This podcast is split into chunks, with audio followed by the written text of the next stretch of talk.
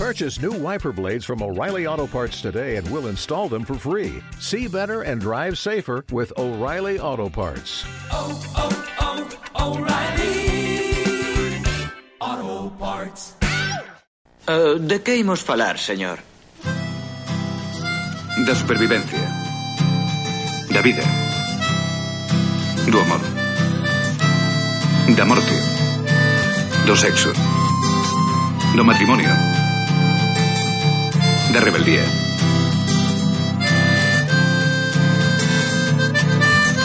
Xa de noite a iluminación da cidade está ben Pros verdadeiros fans do sol Se fose listo sabería valorar que hai mellor lugar que as boleiras da área central Son consciente de que hai xente que non está moi ben Estamos xuntos na fin do mundo máis unha vez e pensa intensa A teoría dos seis graus de separación di que dúas persoas calquera do mundo están ligadas entre sí por seis lazos de amizade. En cada programa de sexto grau falaremos cun convidado sobre seis temas importantes da súa vida e escoitaremos seis cancións da súa escolla. Ao remate pediremos unha lista secreta de seis persoas coñecidas ás que lle recomendaría vir o programa. Ata que grau chegaremos? que persoas coñeceremos? De que imos falar?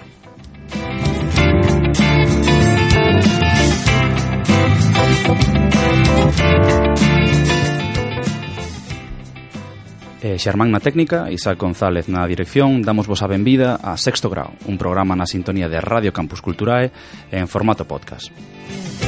Os estadios vibran coa emoción Cando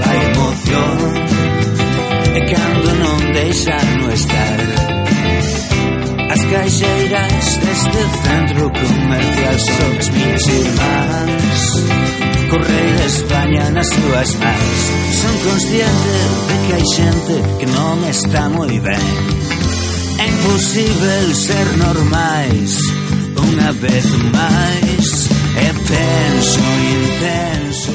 Hoxe, sométese ao sexto grau Xosé Ramón Pichel Campos nacido no 72 na cidade de Compostela, pero o terceiro día exiliouse á Travesa de Vigo, que ademais ten orixes na Terra de Montes. Enxeñeiro informático pola Universidade da Coruña, cofundador de Imagine Software no 1997, leva anos investigando e traballando no campo do software e as linguas. Escritor en moitas publicacións, como Galicia Hoxe, Novas da Galiza, diversas revistas, así como varios libros, como fundamental, o galego é unha oportunidade. Xosé Ramón, benvido ao sexto grau. Obrigado, boa tarde. O primeiro, moi agradecidos por, por ter vido. Eh, Xosé Ramón é un primeiro grao, xa sabedes, os que escoitades este grao aquí en Radio Campus Culturae, pois que imos traendo a persoas de primeiro, segundo, terceiro, cuarto, quinto, sexto ou noveno ou décimo grao, non? Por ahora eh, vamos eh, pase niño e, e comezamos polos primeiros graos. Con Xosé Ramón temos moitas cousas que falar porque eh, Xosé Ramón é informático e ademais é un dos pioneiros da tecnoloxía lingüística eh, en Galicia. Entón, Xosé Ramón, contanos os teus inicios coa tecnoloxía e tamén por que se che deu por meterte a xuntar a tecnoloxía coa lingua, algo que na altura era un pouco bizarro, seguramente. Sí, é verdade, porque... Eh, na verdade, non, non sei moi ben como, como me metín. Sempre gostei, lembro cando meus pais me regalaran o Commodore 64, xa choveu, eh, que, me, que había un libro que encontraran nunha feira do libro ali en Vigo que se chamaba o Commodore 64 como traductor eh, dunha editorial que se chamaba Data Becker ou algo así eh, sempre sempre de, tiven como ilusión eh, facer algo relacionado co, co, co procesamento dos computadores da, das linguas. E nada, depois foi cando fixen enseñar informática na, na, na Coruña, inda que inicialmente non tiñamos o, todos os cursos e mesmo tiña pensado, meus pais tiñan pensado até pois a posibilidade de facendo esforzos de ir até mm, o País Vasco ou Barcelona, porque eran as facultades onde existía a carreira. Uh -huh. E nada, entón ao final eh, fun para Coruña e comecei a enseñar informática. A idea da, da, da, da lingüística computacional foi gracias a un amigo que tamén foi un dos que estábamos a pensar no de montar a empresa, que finalmente ficou de, de profesor ali na, na, na facultade, Xoan Carlos Pardo, que foi o que me dixo eu creo que a ti che vai gustar moito o tema da, da lingüística computacional porque nós facíamos moito de, de, de compiladores, e autómatas e linguaxes formais, mais o que era o procesamento de, de linguas humanas pois el foi o que me colocou na, na pista. Eh, faime gracia un pouco coa retrospectiva de, de, de poñerte pois con 18 anos como unha persoa interesada na, na informática e logo na lingüística que, que dis, bueno, quería facer algo de, lingüist, de linguas e eh, informática, etc.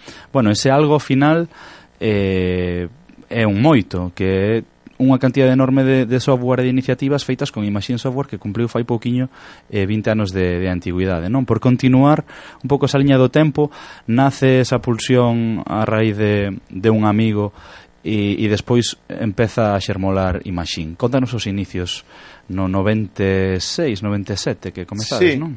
Sí, antes, antes quería comentar unha cousa que, que, que, que me acabo de lembrar agora, non sei por qué. Eh, un tamén que me puxo moito na pista foi o meu tutor de segunda BUP, wow. que, que me dixo que lle dixen que eu que estaba a pensar en a facer informática, segundo o BUP, eh, que debe ser o cuarto da ESO ou eh, sí, penso que é cuarto da ESO, non? E, eh, e, eh, e que, me, que me dixo dixenlle que eu quería facer informática e el dixome pois eh, moi ben, pois eu penso que debes ir por latín entón eh, eu nese momento eh, non lle fixe moito caso mas depois sí que me din conta que realmente o latín eh, sí que teria sido unha boa escolla eh, eh porque tamén ten moita relación coa álxebra eh, de feito unha das linguas máis, máis complicadas de, de facer eh, procesamento, non? Como, por exemplo, co euskera, non? Uh eh, -huh. Linguas declinadas eh, ou as linguas eslavas. Eh, bon, entón, eh, acá me lembra del, eh, que foi unha, unha persoa que sí que me, tamén me deu eh, un, unha, boa, unha boa dica para ir. Entón, eh, eh, como, como naceu Imaxín? Bon, pois, eh, a idea de Imaxín foi que nos, eh, cando estábamos na, cando comezamos a, fa, a facer informática, bueno, coinciden cunha serie de xente que estamos preocupados polo, polo tema da, do futuro da lingua en relación ás, ás, ás tecnoloxías da, da información e eh, decidimos crear unha, unha, unha asociación que se chamaba Plataforma Polo Galego na Informática eh, creamos tamén pois o típico que se fai na Galiza, que cada vez que creas unha asociación, o primeiro que se lle ocurra a xente é montar unha revista.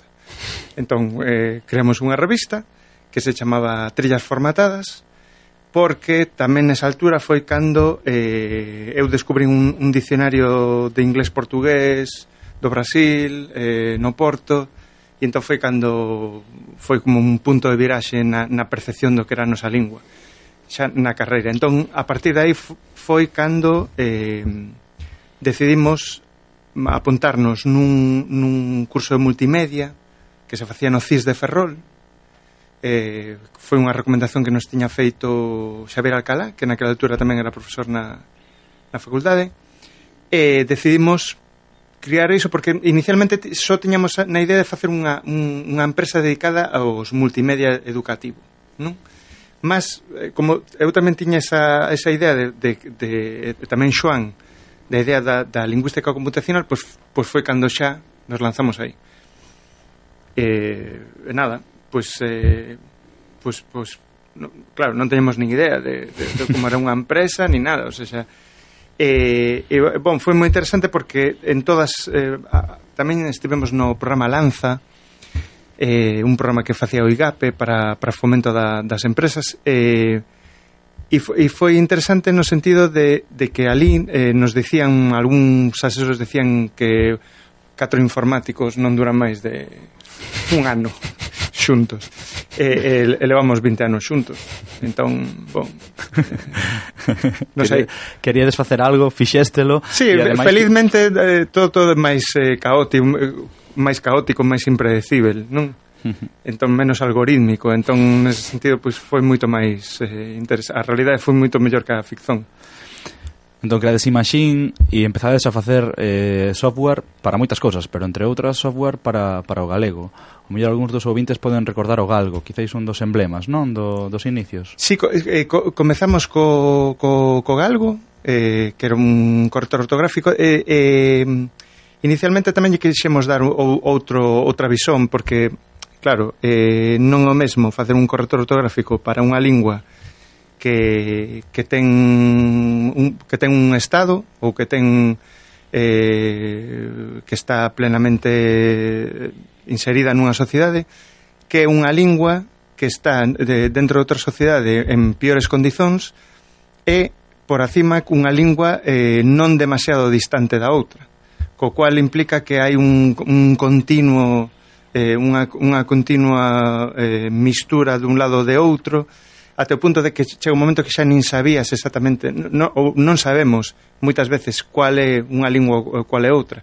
Entón, o, o galgo que pretendía era non só ser un corrector ortográfico, senón tamén ser un corrector lingüístico, que eh, encontrase palabras que tú pensabas que eran eh, galego correcto e que che deran realmente unha solución eh, máis correcto. Por tanto, era, eh, era darlle unha visón diferente aos correctores ortográficos máis focados para linguas que, que teño, non teñen esa problemática. Claro, que está moitas veces máis para cando tecleamos mal ou algún Exacto. erro ortográfico que non temos claro se si é unha letra ou, uh -huh. eh, ou outra, non? Que tal, que tal esas experiencias nos, nos finais dos 90 de, de crear software, de distribuílo, de, de tamén ter unha certa acción social, porque... Eh, o crear ese tipo de ferramentas pois cambian moitas percepcións, cambian moitos usos, cambian moitas cousas, non? Cal é a valoración así un pouco xa desde desde o futuro eh, daquela experiencia? sí, a ver, eh, eh eu ainda pensaba onte, eh, nos eh, neses anos estamos vendendo unhas tecnoloxías que nin sabíamos como se, como vendelas, nin como chamalas. Quer dizer, eh, estamos traballando na lingüística aplicada, unha lingüística computacional ou ou incluso no test mining, eh, eh, e non sabíamos como se chamaba, porque realmente eh, comezan a ter nome desde hai uns anos, ou de, igual dez anos, non? E, mo, e moito agora eh, as tecnoloxías da linguaxe, eh, sobre todo así. Entón, eh, claro, eh, nos puñamos para tentar comercializar as nosas ferramentas ou para conseguir eh, clientes, pois moitas veces eh, era baseadas en exemplos que, que problema hai e que podemos resolver, mm. non? E hai, eu aí tamén me lembro de, de xente que sí que acreditou en nós sen ter ningún currículum, porque nós éramos eh, recén saídos da, da facultade, e lembro especialmente a, a Antosa Tamarina, que naquela altura era o director do Instituto da Lingua, que sí que acreditou en nós para facer eh, pois un, un dos proxectos que, que máis gostei de facer como era o, o Dicionario de Dicionarios que era un, unha obra moi pioneira no sentido de en, facer dicionarios electrónicos eh, desde unha perspectiva histórica desde o século XVIII até, até o século XX nunhas, eh, no SXML eh, que é unha linguaxe de marcaxe de textos eh, que permitía recursividade e eh, eh, sí que lle temos moito, moito cariño a Antón por, por eso, por ter, ter pensado en nós e deixarnos cometer erros. que importante tamén. Eh, Xis Ramón, vamos a poñer un poquiño de banda sonora a esta conversa con algunha destas cancións que nos que nos traes, escollías a Linfrasound para, para ir comezando. Non sei se queres comentar antes de escoitala. Sí, eh, bon, esco, escollín eh, a Lin porque eh, mm, bon, para alén de, de, de ser amiga eh, é unha magnífica eh, cantora de Angola eh, e mellor persoa. E unha eh, este esta canción eh veuna veno a gravar precisamente a, a Galiza porque ela estivo a morar aquí en Santiago de Compostela e é unha das grandes eh, embaixadoras eh, de, dese, dese mundo no que nos eh, tamén pertencemos. E, e este, este, este vídeo foi grabado en, aquí precisamente na Facultade de Xornalismo, eh, entre aquí, Facultade de Xornalismo, eh, Fisterra, e, bon, eh, mellor que os coiteres. E que se titula ademais Insular, da Linfrasound.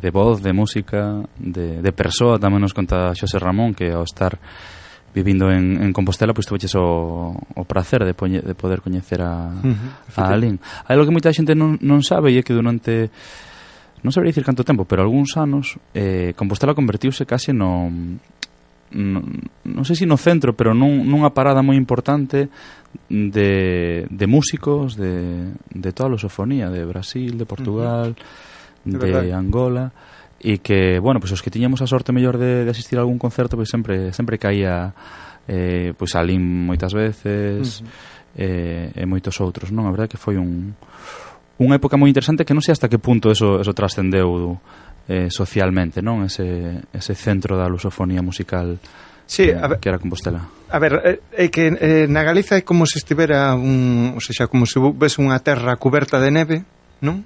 Entón, nes, eh, mas por debaixo hai ríos subterráneos de auga, non? Entón este é un dos ríos subterráneos que corren por debaixo.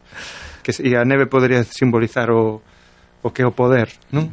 eh, mas hai ríos subterráneos e, e este é un, este é un deles un, un de tantos, non?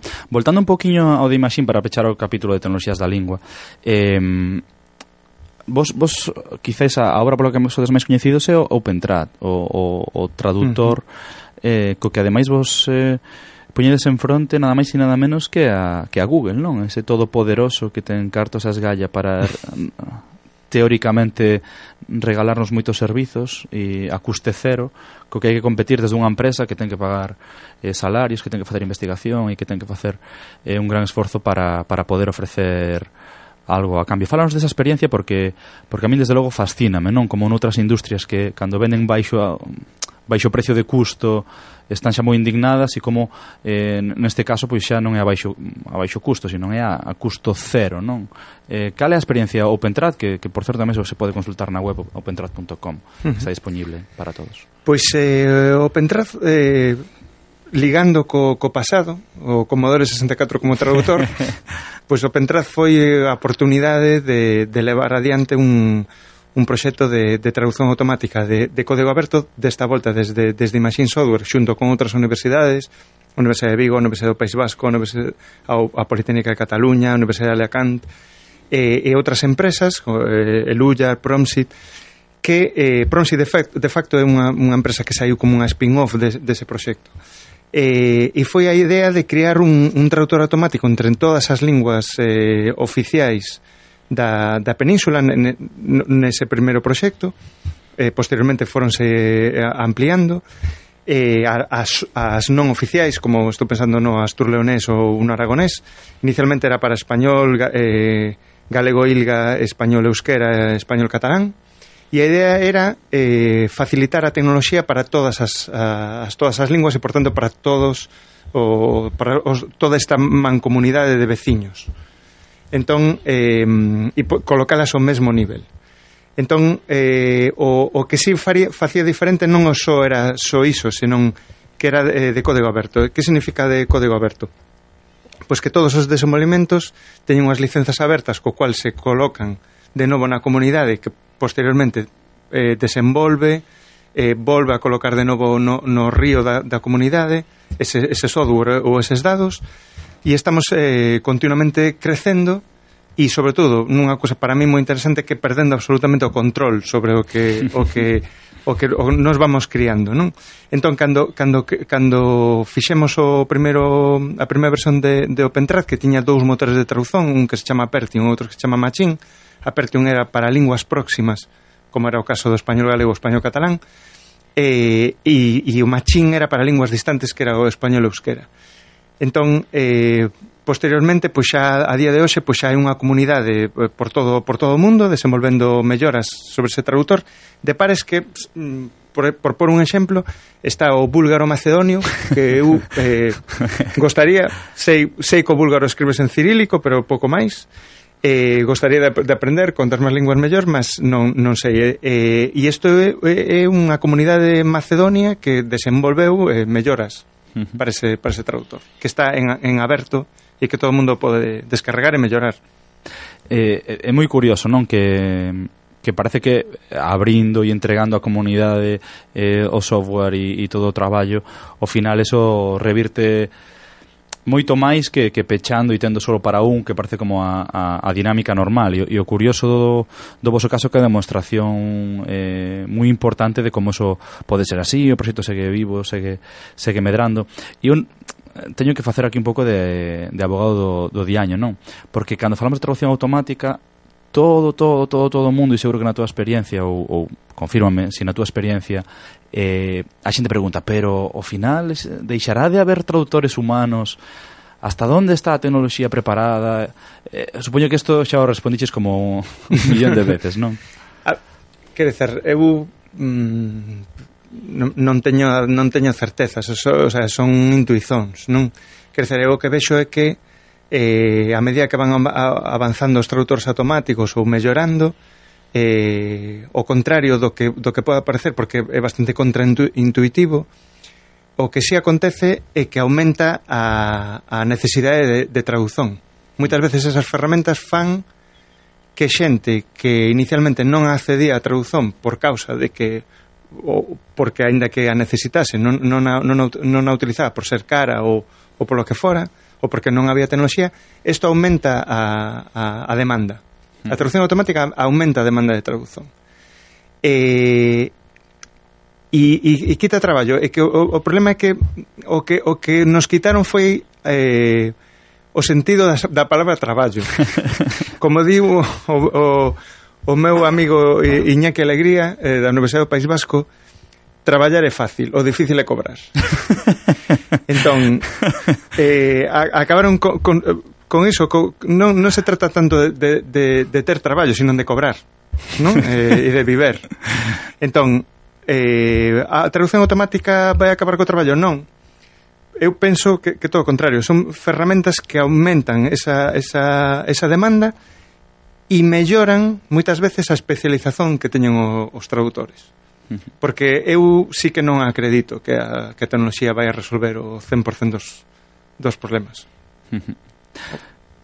Eh, eu creo que é momento de, de pasar a outro dos temas polos que tamén eres moi coñecido, aparte das tecnoloxías da lingua, que tamén pois por, por esa mostra dunha eh, opción alternativa cara ao futuro do galego.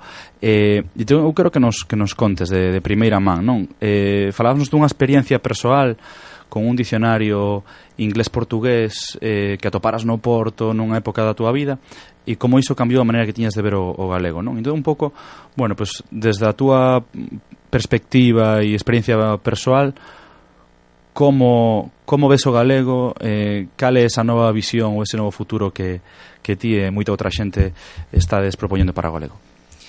Sí, bon, eu... Eh, eu eh, comecei a falar en galego por, un, por unha aposta que fixen cun, cuns amigos Eh, sí, o sea, debes, eh, non sei, eh, se callar Vigo ten un, un punto inglés aí de apostar todo, non? Non sei, eh? Mas, eh, pois pues comezou así, non, non foi nada nada especial. Quer dizer, fixemos unha aposta e eh, ao final gañámola a dous, porque os dous continuamos a, a falar galego, e, e nesa, nesa altura eu teño un, o, o partir dun, do, do castellano, eh, o, o galego representaba un pouco unha, unha visión de conectar cun mundo que non era o teu, que era o mundo máis rural, uh -huh. e, eh, e que, que ti non, non, non eras dali. non? Entón, eh, sempre había unha, un, un extrañamento eh, con, con ese mundo. Eh, por, por los dous lados, porque tamén o, o, o outro lado tamén te, se sentía extraño, non que unha persoa de, da cidade pois, decidira mudar de idioma. Que aconteceu? Que cando mm, cando fun a, a cando tive en contacto con, con Portugal e, e e fun ao Porto e, e encontrei ese eh, dicionario e depois tiña tamén amigos que estaban facendo a filoloxía galega como Valentín Faxín ou Pablo Lamas e foi cando eh, é como verse de novo nun espello eh, e cun espello que, que tú sentías que tiña que te representaba mellor, non? Porque ese espello era un espello máis urbano que que tú sendo urbano eh, sentíaste máis perto dese dese dese galego sin deixar de ver tamén a conexión co, co rural, porque esa foi a segunda fase. Quer dizer, no primeiro é verse máis eh, como tú propio, mas depois é cando comezas a descubrir as, a, a, a enorme eh, a enorme semellanza que hai co, con ese mundo eh, do rural e cando ves que palabras eh, que, que les utilizan no, no urbano son eh, as que aínda están vivas na Galiza na, no, no rural non? entón, eh, eso para min me, me rompeu moitos esquemas sobre o que era ser galego e falar galego entón comecei a, a ver que a nosa lingua non, non morría no miño. E, e que a nosa lingua ia moito máis alén e que a, su, a, a súa lingua, a deles eh, tamén non morría no miño senón que ia máis caro norte, chegaba até Ortegal non? entón a partir de aí descubrín un mundo eh, absolutamente de novo no río subterráneo. Eh, foi, foi un pouco así.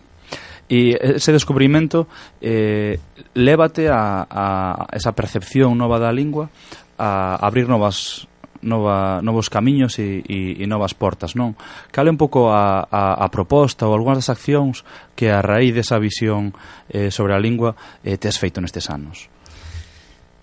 Eh, sí, eh, pois... Eh, Bon, esta, esta, esta, esta visión da lingua, eh, coñecida como reintegracionismo, Non? Eh, o, o que pretende é, é facer para o galego o mesmo que os galegos fan para o castellano. Non, non é nada especial. Quer dizer, calquer galego que fala castellano é un reintegracionista.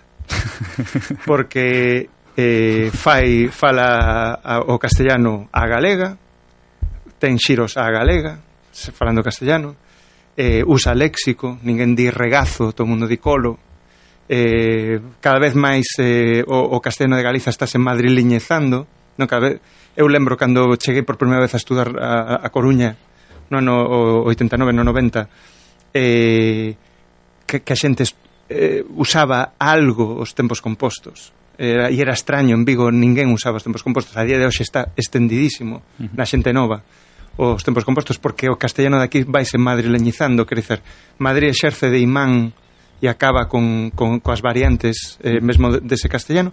Mas un, un galego que fala castellano cando vai a Argentina nin se lle ocurre mudar de fonética. Nin se lle ocurre mudar de a súa variante. Eso é o reintegracionismo Ma, e ao mesmo tempo eh, escreve escreve o castellano como unha persoa da Argentina e non lle parece mal ou, ou regular ou ni siquiera mal ou regular. Que non lle parece extraño que alguén diga vos sos, vos sabés eh, tú eres eh, eh, iso, iso é parte do, de, desa pertenza a ese sistema lingüístico. Pois o orientacionismo di que o mesmo eh, tende de acontecer para, para o galego que é a lingua da Galiza moi interesante esta, esta reviravolta eh, que, claro, que recoloca un pouco as, as posicións de, de, de cada quen, non? Eh, unha das, das, das iniciativas así que, que lembro eh, de, de máis suceso foi a Lei Paz Andrade. Contanos un poquinho que é esa lei, como chegastes a, a, a promocionala e, e, bueno, a historia en xeral desa lei, que, que ademais é todo un suceso do, do movimento reintegracionista e en concreto pois da túa persoa que estaba envolvida neso. Pois eh, bon, a lei Paz Andrade eh, foi unha lei eh, aprobada no ano 2013 que o que pretende é eh, aprobada por unanimidade no Parlamento Galego, quer dizer, polas, polas, polos catro partidos que están no Parlamento Galego, eh, e é unha lei que o que pretende é eh, facer que os galegos teñan contacto co galego de Portugal, polo, co portugués, eh, e que nesa, nesa aprendizaxe vexan a vantaxes lingüísticas que teñen no mundo. Eso era un, é un pouco a idea de, da lei Paz Andrade. A idea da Paz Andrade, de, de chamarse Paz Andrade, foi porque precisamente ese, ese ano foi dedicado ao Día das Letras a Paz Andrade, e, e Paz Andrade, pues, un dos fundadores de Pescanova, e, eh, E, e, por certo, foi un dos que defendeu a, a visón do galego como unha lingua non só nosa, sino de outras comunidades no mundo, ou seja, o, o chamado galego internacional. De facto, estivo no Río de Xaneiro eh, a defender a, a, a idea de, de utilizar a mesma ortografía que o resto de países, como Portugal, o, o Brasil, o Angola, etc. Eh, Entón, esa lei que foi, que, que, eso, que foi aprobada, pois o, o, o que pretende basicamente son varias, tres, catro cousas. Unha, primeiro, eh, meter o portugués no ensino, quer dizer, que calquer galego, calquer galega, eh, poda sair do ensino obrigatorio eh, poñendo no seu currículum que ten, por exemplo, un B1 en, en portugués, non? Ou, ou un B2, cousa que, que un galego só por ser galego, só polo facto de ser galego, para certos... Eh, eh, competencias dunha lingua, como por, pode ser a aprendizaxe, a, a, o listening en inglés, non? Eh, xa ten unha, unha moito máis que cualquier outra persoa de, do resto da, da península, exceptuando Portugal, obviamente. Claro. Eh, eh, entón, pois, pues, iso, facilitar eh, mellorar as, as competencias do, dos, dos galegos nesa outra, nese outro formato de lingua que tamén nos pertence. Depois está eh, a, a, a conexión audiovisual, quero dizer, que haxa coproduzóns entre a Televisión Galega ou a RTP, de tal maneira que tanto nós saibamos, eh, teñamos un contacto diario o, o máis posible do que temos, quero dizer, unha persoa a día de hoxe comeza a escoitar pola televisión algo de sotaque portugués ou Bon, tamén non moito, porque moitas veces hai unha visón de, de Portugal eh, moito mm, asíncrona coa realidade portuguesa actual. Quer dizer, moita, moita, moita xente da Galiza está en Portugal no ano 74, na Revolución dos Cravos, e outra está eh, pois, eh, no, no, noutro, noutro ano, mas non está no 2017. E eh, Portugal está no 2017. Entón, eh, mas ao mesmo tempo agora eh, Portugal está se poñer moito na moda, Uh -huh e, e, e comeza a eu supoño que nos próximos anos pois comezarán a ver pois vagas de portugués no ensino público ou eh, máis coproduzóns eh, Galiza-Portugal.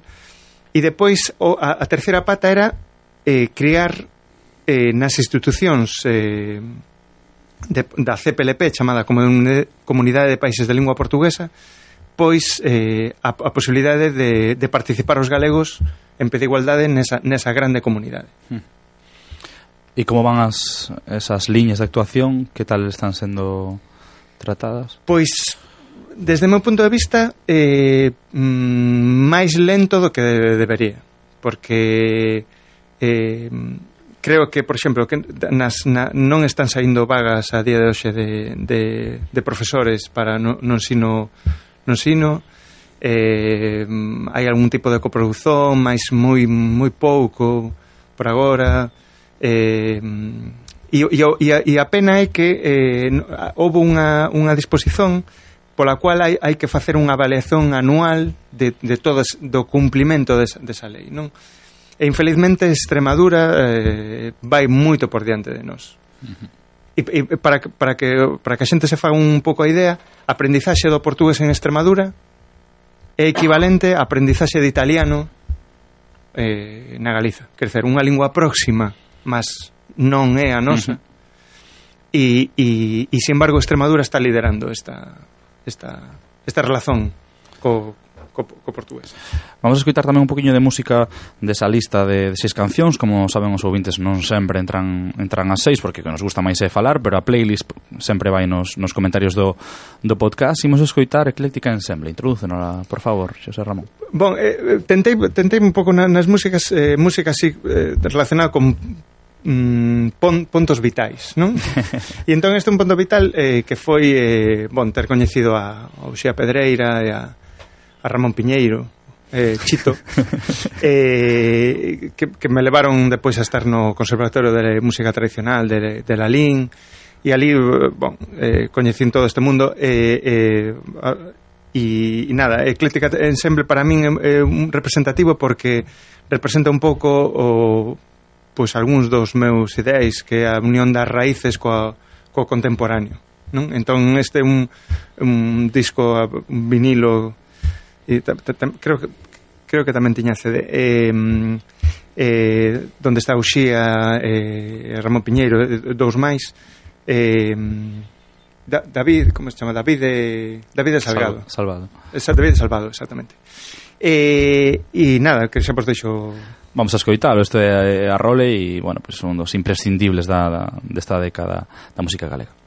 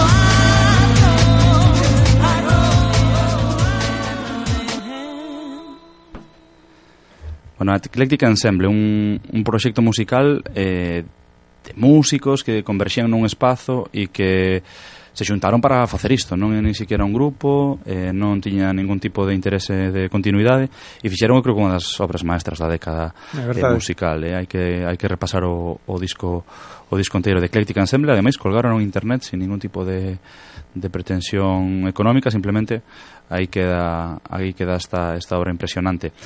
Sí, de, de facto nos eh, chamáramolos para cando fixemos a, a inauguración no CEGAC do, da, dunha revista electrónica que se chamaba Omnibus en, en Imagine. Eh, fora brutal. O... Porque ti, a, a parte, digamos, de, de mm, da parte profesional e tamén de certa parte de activismo eh, social, Tamén tes escrito en moitos medios, dicía na cabeceira, en Galicia hoxe, eh, comentabas a revista Omnibus, Novas da Galiza, e despois falaremos tamén do, do libro eh, O Galego en Oportunidade. Sí, sí. Eh, contanos un pouco esas experiencias e por que esa pulsión tamén de, de, de escribir e de conectar cunha xeración, cunha mm. época. A ver, eu eh, mm, un dos primeiros artigos así que escriben sobre un tema que a mí me interesa moito, quero dizer, na, no uh, moitas veces eh, isto, isto da lingua eh, fai que nos eh, atrape eh, demasiado a crecer moita, probablemente moitos de nós se estivéramos nunha sociedade no que a lingua non fose eh, un tema, non? Un tema, eh, estaríamos envolvidos noutras cousas, non? Eh, mas eu aí son moito do, do da, da, da idea de eh, se non o facemos nós, quen o fai? temos que, temos que facelo nós, non? Entón, na eu a, a, un dos temas que me interesa moitísimo é a relación entre as tecnoloxías e a sociedade, non?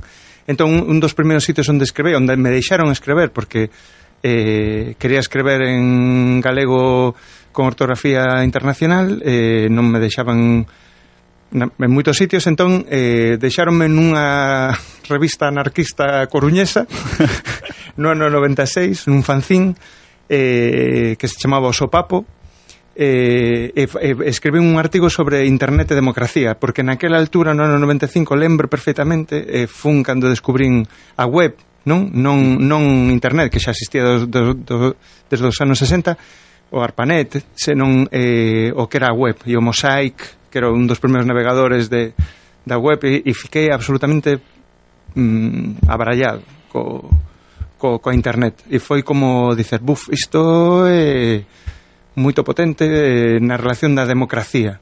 Non na democracia representativa non senón na democracia directa.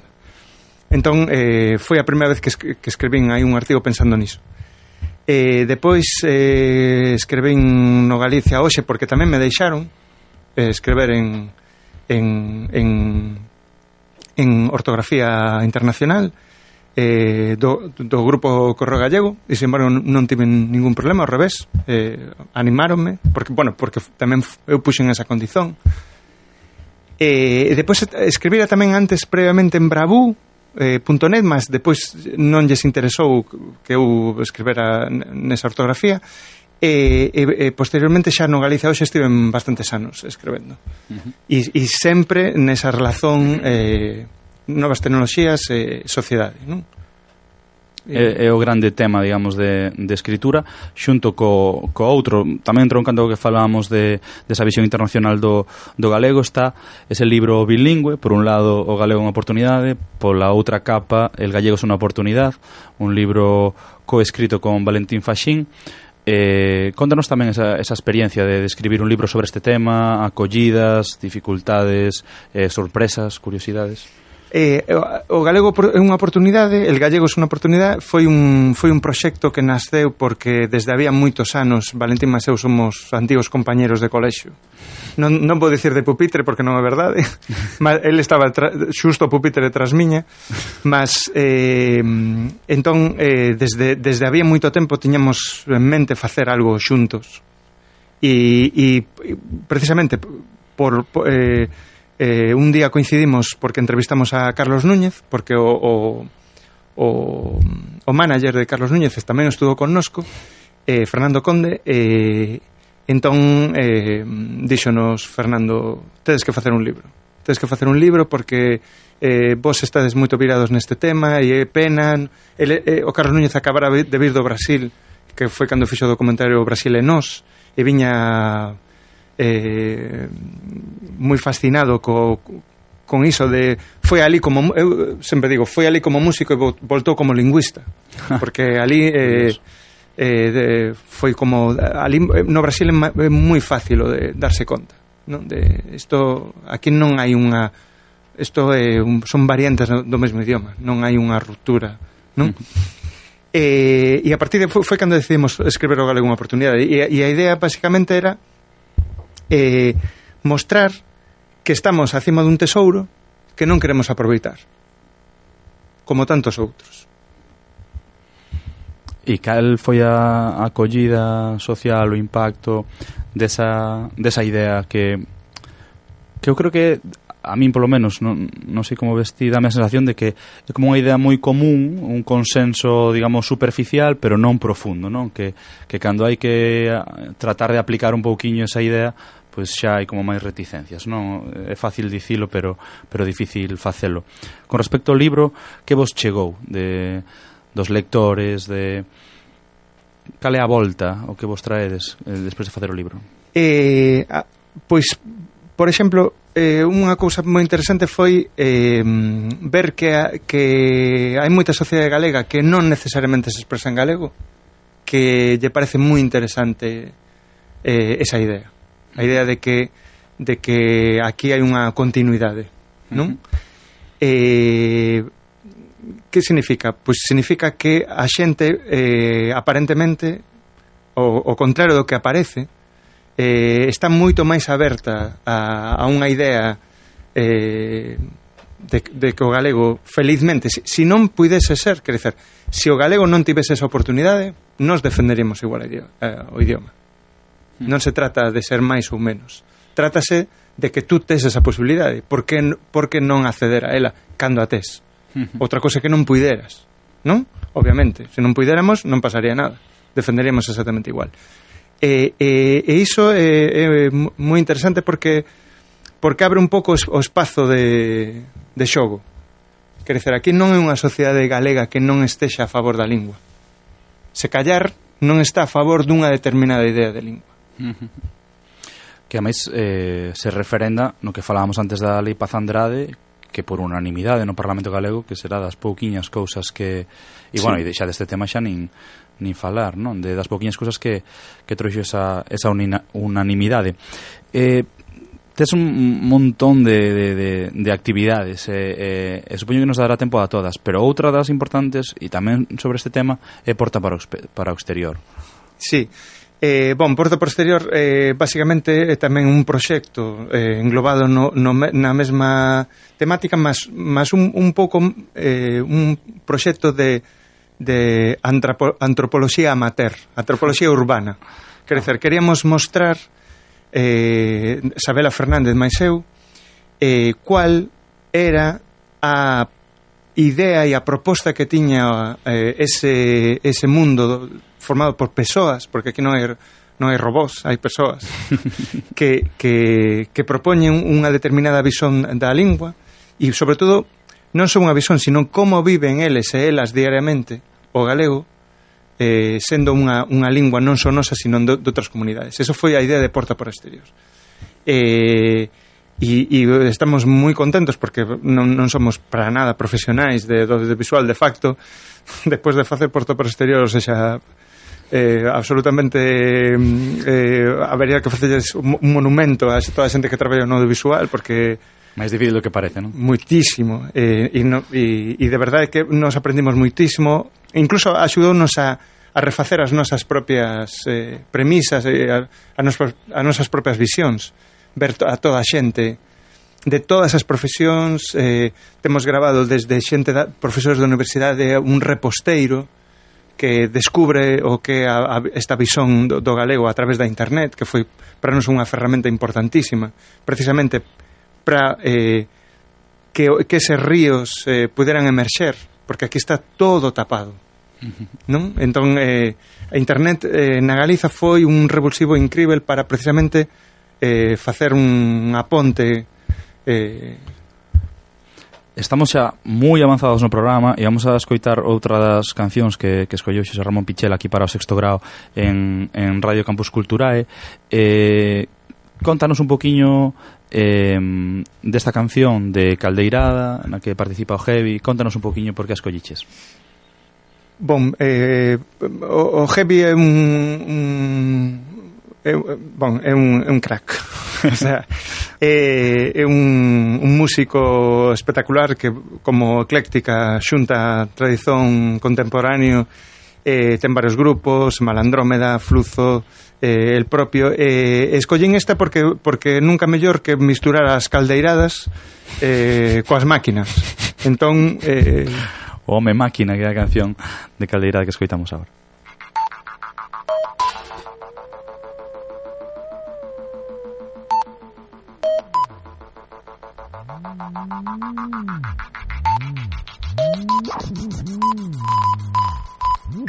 Chi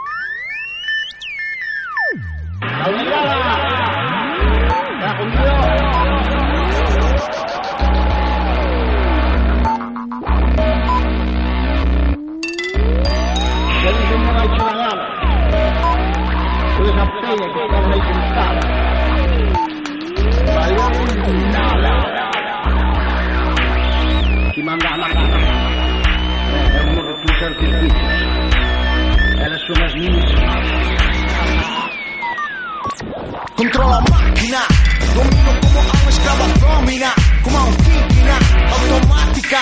Tinha fórmula Para iluminar com luz halógena ah, Este meu copo a falta de clina Quem pode limpar esta mente de letrina Funcionar, funciona con resina. A máquina estende o cano me máquina Check it out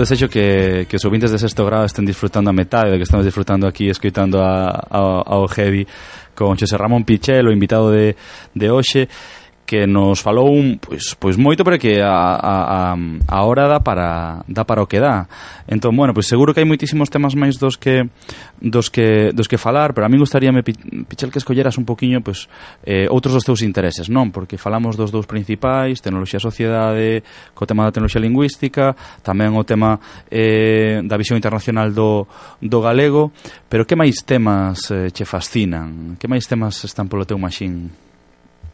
a, a verdade é que, que hai poucos temas que, que non me chaman a atención aí a, a ver, a min gustame estar con amigos, falar, eh, aprender, camiñar, a montaña, música, non sei porque cando pedía esa lista de seis temas que lle pedimos a todos os convidados e tamén vos lembramos que moitos non lo pedides, cales son os convidados que recomenda cada convidado? Bueno, pois pues esa lista é, é secreta. Esa lista só se desvela si esas persoas que nos recomendan veñen polo programa e aí xa diremos, pois pues este é un, eh, un grao que ven a través de Eh, entón, nesos sistemas, pois, pois tiñemos as tecnologías da linguaxe, o galego portugués, a música, tecnoloxía sociedade, liberdade de pensores, camiñar, Son así os temas que, que te definen? Eh, onte sí. Se callar mañán non. Eh, falábamos con, con Pablo Gamayo, unha persoa tamén moi moi próxima a ti polo que polo que uh -huh. polo que sabemos do, do, do tema da da democracia directa a través da, das redes e non sei se con respecto a ese tema que che interesaba moitísimo nos, nos inicios da, da web eh, despois de toda esta nova web que temos agora moito máis centralizada con empresas moito máis grandes e o que pasou de ser unha utopía de transmisión de información, que de certo modo continúa sendo, xa se transformou en algo un pelín distinto, non? Cal é así a reflexión respecto a, a esa evolución de internet e a, e a democracia directa neste contexto, a novas formas de, de acción social? Eh, a, a ver, a, miña, a miña idea eh, vai, vai tamén por, por días, eh? O sea, eh, a ver, eu penso que, que a tecnoloxía eh, é unha axuda fundamental para para, para concebir outras xeometrías eh, sociais. Quer dizer, a miña xerazón aínda probablemente temos na cabeza o tema jerárquico, non? Uh -huh. Quer dizer, fomos treinados desde desde que éramos pequenos eh, nesa, nesa jerarquía. Na, esa xeometría témola na cabeza eh, mais a xente máis nova probablemente xa non teña tanto esa xeometría, non? E ten máis eh, unha xeometría máis eh, baseada en liderazgos eh, liderados efímeros, non? Eh, entón eu, eu sei que acredito, por exemplo, nos, nos, nos liderados, non? Non, non, non gosto das, das jerarquías, pero sí que, sí que acredito niso. Eh, eu creo que a democracia digital directa eh, baseada pois, eh, nesta, nesta tecnoloxía, mas sobre todo na, na parte máis presencial. Isto non, non, non é que eh, sempre estamos condenados a unha eterna dicotomía entre unha cousa e outra, non? Eu escollo os dous, son galego. eh, Deus é bom, mas o diabo non é mau. Entón, eh, pois, sobre todo, o, o que máis gosto é de, de que se experimente. Uh -huh. Non? E entón, desde logo, eu creo que eh, o, o poder eh, en mayúsculos eh, sí que sabe eh, a que está xogando, por eso utilizan estas tecnoloxías como machine learning ou o deep learning para o control o a, a través do, da, das redes o, o big, big data. Que eso, por exemplo, nos eh, en Imagine estivemos en varios proxectos e, e, e eu hubo un momento que dixen, buf, Isto mete medo. Mete medo. Mete medo porque non porque non sexa moi interesante a tecnoloxía, porque a tecnoloxía non non se trata de que sexa un non, trátase de que en, en que ma, en que man se está, non? É como, por exemplo, o petróleo non ten por que ser bo ni mau. A cuestión é quen quen é o dono, non? E por iso eh, todo o tema do outro lado do espello, todo o tema de do código aberto, do, da, do, do open data, por exemplo, eh, é incrível que a día de hoxe eh, eh, xa que estamos aquí na universidade aproveito eh, liberen as cousas liberen os dados, liberen o software. Xa quedadito quedadito e, e así o o dicimos dende aquí dende sexto grao. Eu quería, para o final, facerche a pregunta máis complicada, que foi esta que xa che fixen, para, para, para descubrir novas cousas e, como sempre, pois é un placer eh, escoitarte, esas novas perspectivas, esa, esa visión, sempre é a palabra eh, cando, cando teño conversas con, contigo, Xosé Ramón, esas novas visións que, que aportas. Por iso agradezoche moito que teñas pasado e te teñas sometido ao sexto grau, espero que fora indoloro. Salvo flexo e, e nada, quedan xa as túas ligazóns eh, persoais para continuar con esta cadea que é o sexto grau e a todos vos que estades do outro lado uh, do móvil, uh, da radio eh, do ordenador, uh, do que sexa eh, atopámonos aquí no voso espazo de Radio Campus Culturae chamado Sexto Grau. Moitísimas gracias. Por certo, marchamos con Tom C, esquerda, grana e direita. Tonse o, é o heavy de, do, do Brasil o, o, o heavy o Tonse do Brasil. De da Galiza, perdón. E aí queda dito. Moitísimas gracias a todos. Gracias. Obrigado. Da história. Ele pratica o método do opressor porque foi o único método que aprendeu